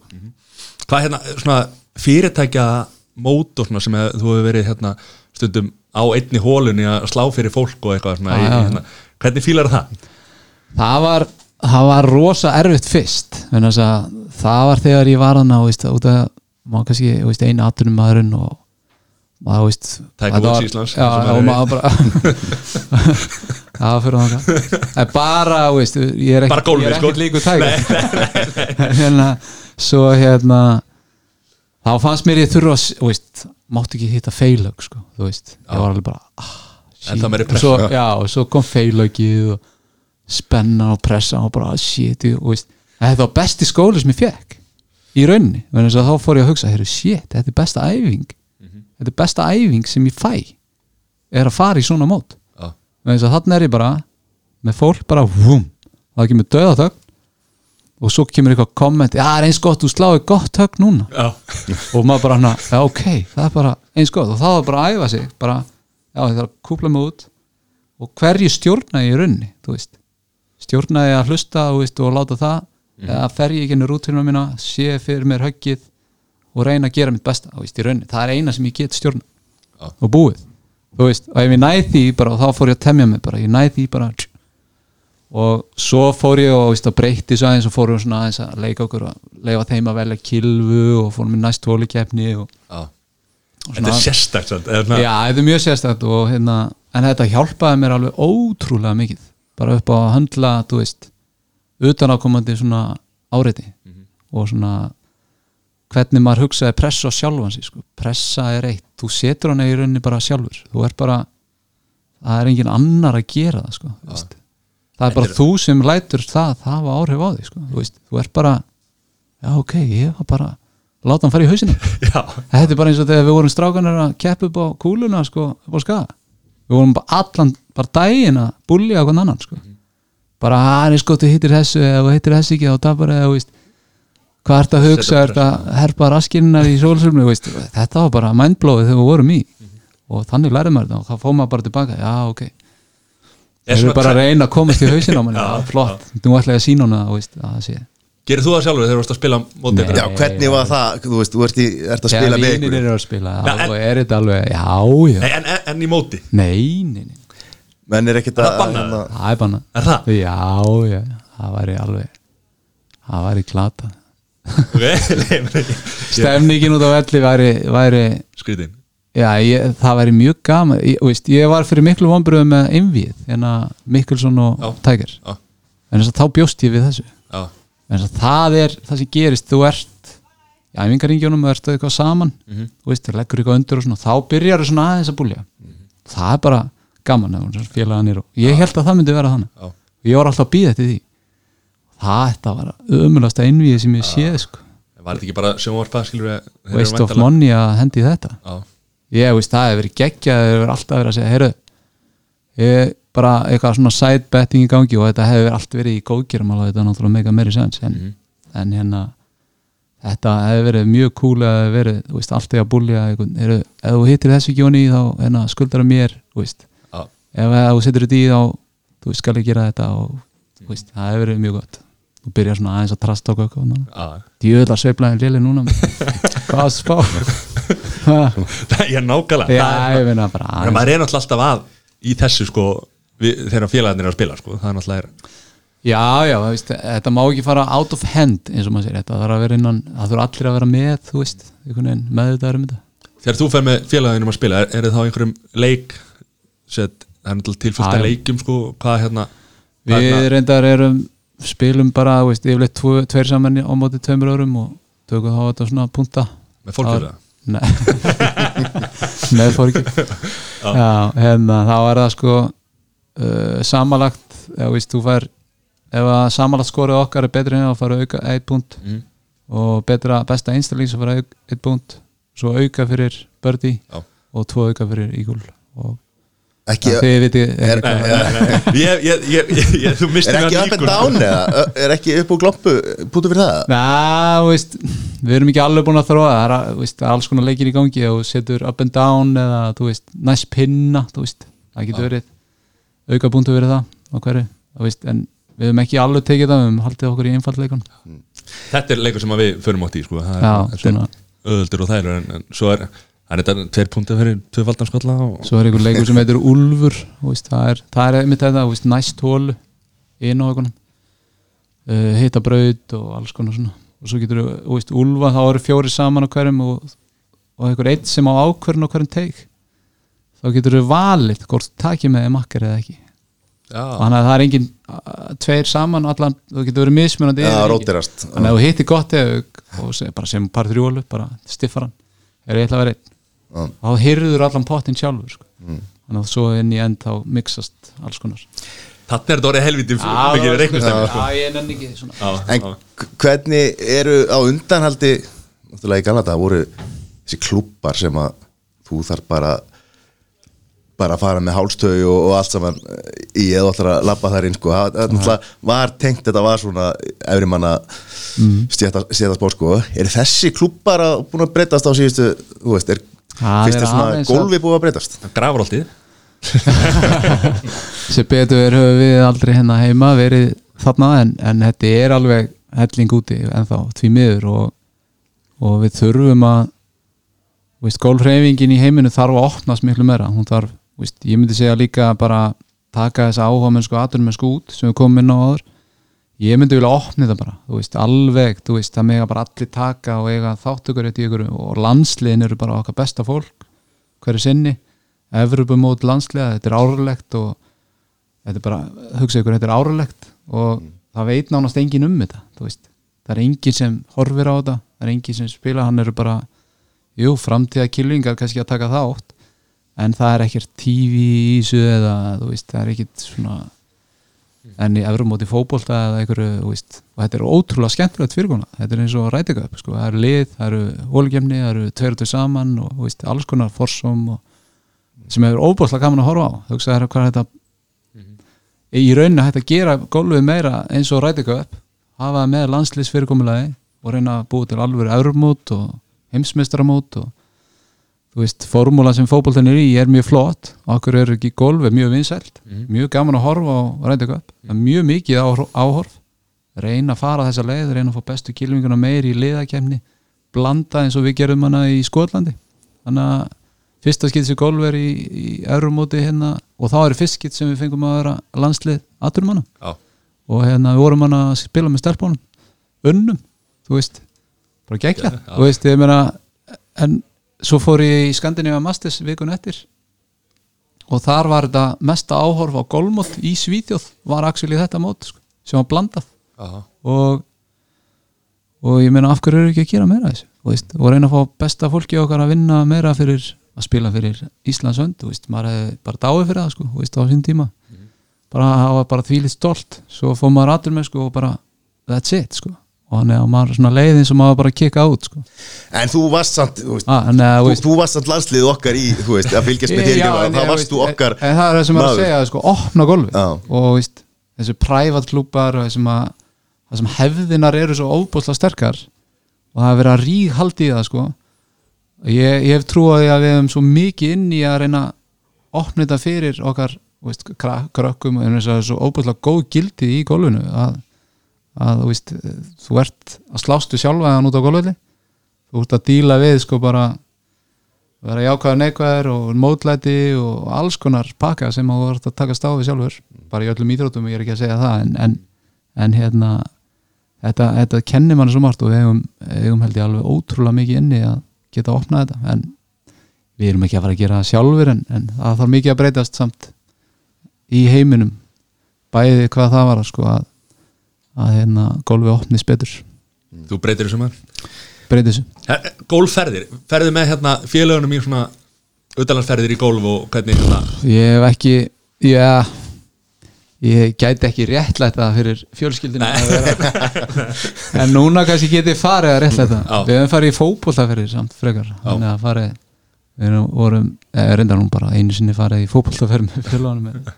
En við tekið fótboltaleiki þegar maður er í golfferðum einn, og einn en, en, uh, en kannski verður meira á því núna en maður er náttúrulega búin að vera mikið úti og hitt fullt af fólki og vini komið sko, þá er ég kannski bara í vinnu í æfingabúðum en, en þetta er náttúrulega enn eitt svona rúsínan í við golfi er að veist, þessi félagsleið þáttur að fara ekki bara hanga á ströndinni og smíða kastala heldur, þú getur verið veist, á golfvellinum allan daginn og veist, vera slást við einhvern leik og haft gaman í góða, góðra vinna hópi sko, veist, það er nú er bara markmiðið mitt að ná konu og fullt í það og draga þá vinnið hennar og, og hérna sammeila vinni bara inn og þá verður til golfferð og alls konar sko.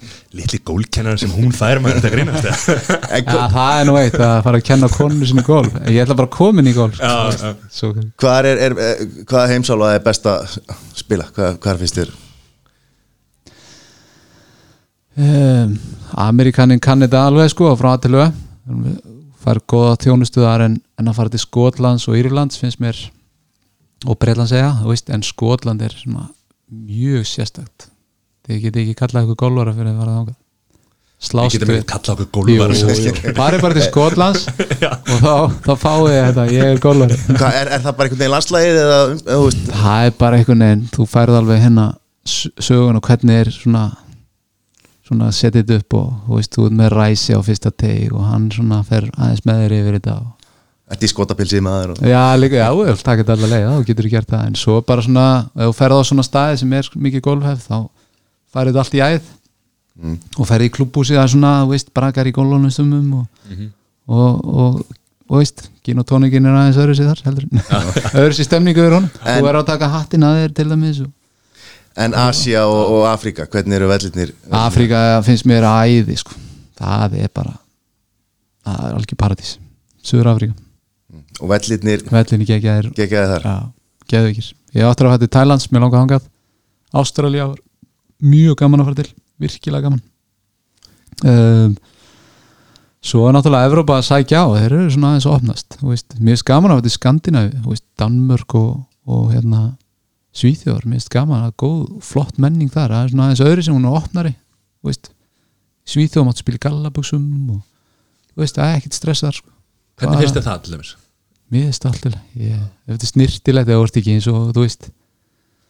Ég veit ekki bara ég, ég, ég, já, þarna það aftur ég vil bara opna þetta, þetta verði aðgengilegt. Ég vil freka að fá fleiri gólf heldur en þú veist, að það sé ykkur að hömlur sko, þú veist, ég vil fá og þú veist þú veist ekki hvar talenti liggur. Og það getur verið ykkur sem er kannski efnaðslega ekki sterkur eða, veist, en ég vil fá hann í gólf eða þau, hana, veist, þau getur verið bara þetta má ekki vera hindranir út um allt sko, það má ekki vera sem vill ekki vera í pólóbólnum og, og, og, Já, hefur bara ekki kannski tökað að vera í klubb eða út af að kosta svo mikið eins og er mikið í Evrópu þú veist, og Ameríku og, mörgum stöðum, þetta er bara svona allt og dýrt og þú ert að vera með sveigjanleika, þú veist bjóða alla velkona og svo bara finnu leiði til þess að láta hlutina að ganga upp sko. Ég er að leita að talentinu sem getur, veist, komist á PGA og sem að veist aldrei þú veist aldrei, þú veist í dag er þetta svolítið, ef þú átt nóga peningum eða, veist, þart mikið af peningum í þetta til þess að komast allar leið Getur tveir setið hérna fyrir fram að þér sko. Já, En hérna, hvað margir hringir á dag? Hvað hérna hvað hva margir ringir með? Já, nei, já, já, já, til dæmis. Ég hef spilað 54 ár og um, það væri kannski bara gaman að prófa að ná 72 hólum er er það. ekki alltaf mikið. Jú, það er alltaf mikið. Já. Það er ekki, ekki heil brú í Svona golfferði, menn er að taka alltaf hérna, tvo ringi á Já. dag og eitthvað svona meina, Þú ert að blanda þessu saman ef að ef þið keppnisverð, ef við sem er vinnir og er bara með rætiköp eða fyrir og eftir ádegi þá getið þið bara döga í þrjá daga eða eitthvað. Mhm. en þið eru alveg alveg farnir á kvöldin sko. Já. ég held að sé það gerist þú tökur bara átjón sko. Er við, já, við, við erum að passa svona. hvað sálega það er bara fyrir eftir, víst. Í sumir bara þrýfast fyrir að spila bara og spila. Svo eru margir kannski á gólbílum í 36 þá er þetta kannski ekki Jú, það er bara mikið sko. Og mikið að hugsa. Við skulum ekki, við skulum ekki segja reynum að við erum á gólbíli átján sko. Þannig að En það. En mér veist ofta eins og menn sé að fara bara til að spila Já. sem 36 á hverju degi og- koma bara döðþreyttur og búnir á því heim og, og jafnvel búin að fá nóga þessu sko. Já, það er náttúrulega þá er, Það er þetta alveg, þá er þetta bara góð regla, þá er þetta mikið. Það er bara, það er bara klárt Það er engin að hætta því hjá okkur. Það var hérna spurninga frá hérna, hlustendum hérna, uh, uppbóls golf framlegandi uh, í kilum og Já, það, bara það er list. Það er list Já. Ok. Uh, Erfiðast að höggið almennt? Það var pútið náttúrulega kannski, er, nei, það er ekki erfiðast erfiðast aukið Já. erfiðast aukið er líklega 50 metra glompuhögg það er, er svínslega erfitt. Ef þú ert í þeim vandræðum þá er leikskipulega eitt ömulegt Já, það er bara þannig, það er mín já, ef þú kemur í þessu aðstöðu þá ertu, eða allan sem aðtunum er, þá ertu að gera eitthvað vittlust í leikskipulegin Það er að leggja upp náttúrulega Maður er já. Það er ekkit Ég, því ég lærið það líka sem, ég var alltaf bara all in sko, Já, ég var krakki. Það er bara alveg fram eftir. Það var stundum bara þjálfari minn. Maður er var alltaf að reyna maður er alltaf að taka sjensi sko. Maður er alltaf aldrei að vera uh, þú veist, ég tala fyrir mig maður er alltaf að reyna, já, maður er alltaf alltaf að drauma höggi í staðin fyrir að, að, að skipta um kilvu og Já, ég var eitthvað skinsamur og veðlur. Það er bara ein leið, það er alla leið. Ég þurfti að eyða 2-3 árum í að reyna að spila þannig golf sko, að spila leiðilegt golf sko. ég kallaði bara leiðilegt golf. Já. Þannig að ég bara sá bara alltaf stöngina og stiðstu leið og, og það refsaði mér oft en líka fekk ég mjög marga fugla á ring ég á það til að geta alveg rusla niður full, fullt af fuglum. Heldur að þrýr sex hólu velli verið að vera? Hvað? Það er nú eitt konceptið sem að mér fannst mjög áhugavert og finnst alveg áhugavert. Þau ætlar að vera sveigjanlegur en, en svo eru þessi hardcore golvari sem bara, nei, það er bara átjón og, veist, en við erum að slást um tíma við erum að slást um, þú veist ég held að það væri ekkit galin hugmynd að opna sexhólu öll með frábæru svona flottu aðeingasvæði á Reykjavíksvæðin ég held að það geti verið bara briljant koncept með sexhólu gólmót vera með geggja aðeingasvæði á gólfakademíu og bara mjög flott. Og svo ertu bara með mótaröð og ykkur x meðlumi bara í þessu kráti og veist, lítil umgjör en bara lill tími. Mhm. einn og hálf tími kannski. Og svo leis þannig að ég held að það sé ekki vitlaust. Ekki villust En hérna, uh, förum aðeins úr þessu í námið, þú, nú ertu komin í nám. Heyri, já, ég hendi mig bara aðeins í djúpulauna í Já. fyrra í fyrra hérna þá svona kom smá tímamót sem að ég var svona já, er alveg búið að blundi mér í ykkur ár svona, veist, hvað tekur við og hvað langar mig að gera og svona, veist, ég er bara áhuga á íþróttum og, og hérna golfinu og öllu því og fór í PGA námið og, og veist, fyrir einhvern 6 til 8 árum. Og hérna svo fór ég svona að hugsa veist, mér langar að veist, læra eitthvað annað og hafa eitthvað annað aukalega. Þannig að ég sótt um ég á HR í MBA námið og hérna fekk inn. Þannig að ég tók þá bara ákvörðun síðasta haust og, og hérna sé ekki eftir því þannig að það búið að vera ótrúlega góðu skóli. Og þá styrkja mig í bara öðrum hlutum og bara geta hugsað aðeins öðru sig og, og ná svona aðeins meiri viðsýni því sem að ég kannski vil og opna fleiri möguleika veist, fyrir mig. Og hérna það er MBA námi í HR og það er búið að vera gott æfintýri og gengi bara vel og, og hérna er bara ongoing og útskrifast á næstari að þetta og taka allan þinn tíma núna? Já, þetta er svona, var svona það var smá viðbrið Já. að vera náttúrulega bara hvað maður að segja, fyririldi út um allan heim og bara lifa drauminn í raunni og, og hérna setjast á skólabekk. Veist, ok, þetta var ekki alla dag, þetta er aðra hverja viku og þetta er svona að hugsa með vinnu og svona en, en hérna en bara já, það var, það var svolítið viðbrið að setjast niður og bara já, ok, ég nú er á næstu átta tímana er ég bara að vera hér og, og hérna vinna ykkur verkefni og okkur svoleiðis, en, en ég hafði rosalega gott að því það geta tekið tvo gólringi þannig sem átta tíma. Já,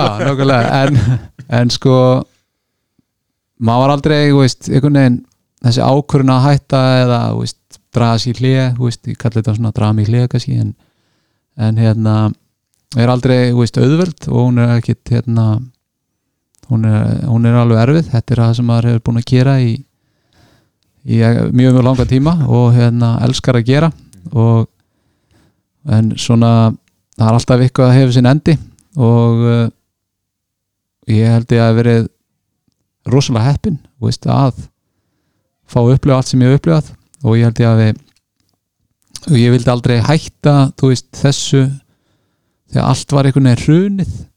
Ég vildi alltaf, ég sa alltaf sjálf ég vil hætta þegar að hlutinu hafa gengið vel og uh, og ég get stíðið sko þannig sáttu frá þessu borði þó svo kannski annað tekur við þá þú veist enda ég á að vinna mót komst aftur á Örbtúrin spilaði þú veist sísón þar og uh, sigra Íslandsmótið hana 2016 bæti metið ég hef ekki spilað Íslandsmóturinn síðan Já. tók þá með þetta ákvörðun bara, það var Eh, hann upp á, upp á hérna, korpuð, ekki?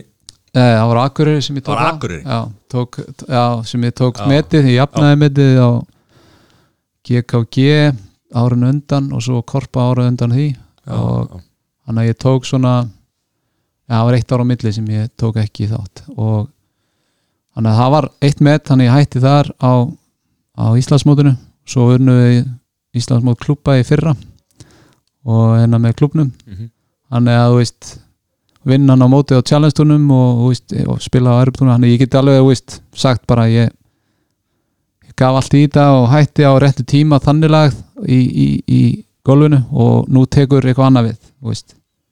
mér leiði rosalega vel með ákvöruna en hún var óbúslega erfið og hérna, ég viðkynni það alveg hún var ekkit hún var ekkit auðveld sko, það, hún var alveg auðveld að taka hana en það sem fylgdi á eftir var Bjóst tó- ekki- já. og, og ég bjóst ekki við ég kom svona aðeins aftan að mér, þetta var svona viss léttir fyrst svo kom bara svona ringdi yfir mig bara, þú veist, tómarúmi sko, og Já, bara.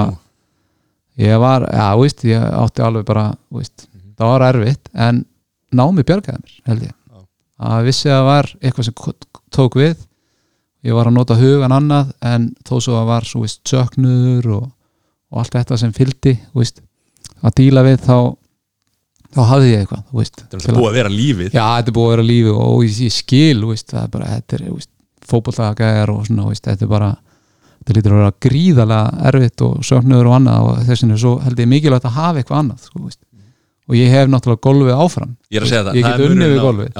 og er að vinna við það, veist, er að þjálfa krakka og þjálfa, veist, og, og er á fullu í því alveg núna og með náminu og mér finnst það bara að halda mér alveg og sjá aðra ná langt og bara fylgjast með krökkun sem er út núna í aðrum sko, bara, veist, geggja gaman ég er að hjálpa Ólafíu núna byrja að þjálfa hana í haust. Og uh, bara svona, þú veist, gaman að sjá þú veist, vera aðeins inn í þessu þú veist, það, ég, bara ég þrýfst fyrir það og, og, og hérna, ég kem svona kannski með aðeins öðru sér vinkil í þjálfunna, hvað það var ég svona næ kannski að koma með öðru bullandi nálgun. á, á turnum og svona. Þannig að það, það er svona gaman. Þannig að námið hefur björgað með hvað það var já. en þarna getur þú getur alltaf keft við sjálfaði í golfi. Ef þú hefði verið með- eða sett fótbolta. þú mm veist, þá ferði bara einhvern bumbubolta með félagunum og það er ekki, náttúrulega ekkert einskilur. Þú getur alltaf settir, það er kannski kosturinn við Mhm. hætti í golfi sko. já sko, hætti að keppa í golfi já, svo er það núna er sko slagurinn hjá mér þú veist að halda áfram í golfi eitthvað og veist en svo veit maður það þú veist, það sem þú veist þú hættir á svona há, háu leveli að þú verður verri. Já. og þú þarfst að finna þér einhver önnu veist það var næsta spurninga mér. Þegar þú getur ekki jafnrætti eða, veist. Ertu hrættu við þetta? mér finnst bara svo leiðilegt að vera verri sko, veist, ég, ég bara ég, ég svona eh, erfitt að útskýra þetta. Ég er hérna búin að vera aðeins að spila á svona, veist, bara núna fórum við Mjólin og Florida og veist, finnst rosa gaman að fara með konu og veist, sjá þau og veist, en það vantar eitthvað hjá mér sko, veist, það er bara svona og ég saknaði ekki beinst, veist, þá kom ég ljós, ég saknaði ekki alveg golfsinn sko, heldur keppninar Já. ég held ég að væri bara geggja að fara í golfhattur og bara gaman en það var ekki það, það var það var enna keppnin, veist, það var að bæta sig það var að vinna að ykkur það var reyna að bæta þetta og þetta og þetta reyna að púsli svolítið saman en svo Og er ég bara að spila og spila vel og ekkert vesen en Nei. svo var bara svona, já, það er ekkert það vantar eitthvað, hann að ég er svona ég reyna að finna, veist, ein hugmyndin var að byrja örfend Já. það var svona ein pæling að þá bara fekk ég frá konu "Pff, það byrja örfend það er bara ömulegt fyrir mig og veistu, hvað, er þetta er eitthvað diss á mig eða eitthvað, Já, ég sagði nei, nei, nei, þetta er bara eitthvað í hausnum á mér eitthvað að reyna challenge eitthvað challenge eitthvað, veistu, að vera út á golfið að reyna að bæta sig og ég skal spila við ringaði vart Já, já, já. sko. en svo, svo er, veist, komin þessi kannski hugsun að hafa opið bara eftir sex og hálft ár. Þá er að seniortúrin Já. halda sér í formi og vera, veist, það geti verið eitt vinkilinn en um, vera frá kemniskólu í sex ár, það gengur kannski ekki alveg en, en maður þarf að finna ykkur að leiðir þá til þess að halda sér fitt og flott og, og hérna ég hef sveifluna, ég hef sveiflu hraðan eða og ég er að slá, þú veist er, ef ég halda því, þá bæta bút og chip, Mhm. þá er aldrei að vita að maður eigi bara annar líf, sko. Það, hver veit. En ég meina já, þannig að við erum bara í þessari mótu núna í NBA námi að finna hvaða næstu markmið eru og hvað maður ætlar að gera við lífið það, en ég, eins og staðan nú á lifir, lifir maður hærist í íþrótum áfram sama hvað er, ég horfi á allar íþrótir og bara horfi eiginlega mest á fótbolta og, og, og veist, handbolta og Já. körfubolta núna og strákurum er farin að stunda körfubolta Já, sex ára ok. okay. þannig að Þeir eru að gott- eru að gera gott mótana Dóminustildin og, og Já, þetta er rosa flott hjá þeim hvernig þeir eru að setja upp og, og ég er svona skamar að sjá kraftin í íþróttunum hvernig þeir eru samt að koma skemmtilega þætti og nálgun á hvernig hlutinir eru veist, og hvað ég hef alltaf að hugsa sko í kringu gól líka við erum oft svo ein Mhm. ég, ég kem úr veist, hópítrótt og ég, mér finnst það miklu skemmtilega veist, í raunni að vera og ég hef verið með í haustnum að hvernig við nálgumst einstaklisíþróttuna sem tími sko, og veist. Og svona byrjun að því var kannski og hugmyndafræðin var að ég tók svolítið þátt í að stopna forskot sem er svona styrtarsjóður fyrir atvinningkilvinga Já. með að víst, Æslandir og, og stór fyrirtæki tóku það svo áfram víst, ég var með Æslandir sem, sem hérna samstagsæðala þá. Og við settum það upp og alveg fyrir það og svo er það orðið bara frábært og einn bara frá, eða, veist, flottasta verkefni sem að hefur orðið til fyrir golfara, atrunugolfara og nú eru bara dælin krökkum og aldrei verið fleiri atrun þannig að svoleiðis og veist, hvernig það er hægt að þróa áfram sem lið hef ég mikið ná á sko, hvernig við getum aukið liðsheild í að spila golf. Veist, venast að hafa elska það allir sem krakkar og, og ég held að séu allir einhvern veginn að reyna að finna þessa leið samt sem áður að það, það bitni ekki á þessi vilja ná ekstra langt sko. Já. en ég held að þeir sem vilja ná ekstra langt vilji líka taka þátt í sko. Þetta er eina skemmtilegustu mótum sem við spilum. Og um, og svo svona, veist, hvernig við tölum um golfið, við erum einn fjölskylda. Ég held að það sé mjög mikilvægt líka. Þó þetta sé íþrótt þá ég er þetta hóp. Uh, og það er auðvöldra marka sitt já, þú veist, þú ert með lið heldur en einstakling. Já. þannig að þú ert hluta af liðið og býr til liðið og svo er kannski einn að blómstra hér og hinn er undir þá, þá er mín svona visjun á því að þú flaggar liðinu. Þegar eitthvað stendur sér vel það er ástæða fyrir það, þú veist. Mhm. svo ef að sá einstaklingur stendur sér ekki vel og kemur einhver annar þá er, þú veist, dialogan er að þú veist, þú ert að í rauninni tröppugang og ert að elda hvern annan sko. þú ert að gera þetta, þessi jákvæða samkjöfni sko, en hvernig er það gert? Er, er myndi ég segja umgjörun í kringum hlutina, ekki bara það er ekki nóg að setja sjóði í rauninni þú veist, það er ekki nóg að setja eitthvað, þú veist, plan heldur hvernig ætlar að eftirfylgnin hvernig ætlar að virkilega ná því veist, hvernig ætlar að auglýsa og það, þú veist, að það sé bara ultimate markmið á 12 ára badni að komast og vera hluta þessu leið sko. Mhm. þetta sé bara top of the world í, í, í keðinni sko. það er nóg að gera hefur sko. ja, þannig er hausin á mér að springa sko, en ég hérna og það er bara í öllu, það er bara eins og sama í fyrirtækja struktúr og það er sem maður læri í MBA veist. það er einmitt þar sem að þetta kemur inn sko, veist, hvernig er þetta að byggja upp íþróttafélag, hvernig er þetta að byggja upp heldar ímynd á því sko, veist, bara frá grunni og það heilla mig alveg óbáslega mikið þú ert ekki að fara að sitta á að- öðum höndum sko. það er Nei, bara vonandi, vonandi springum maður ekki á því sko. Nei Þannig að þetta eru frábær loka orð vonandi springur ekki á því. Hérna, takk kjærlega fyrir að koma. Já, takk fyrir mig. Bara Gaman að að hérna, og gangið vel í framtíðinni. Við tökum ringa eftir maður saman. Já, ekki spurning. Takk.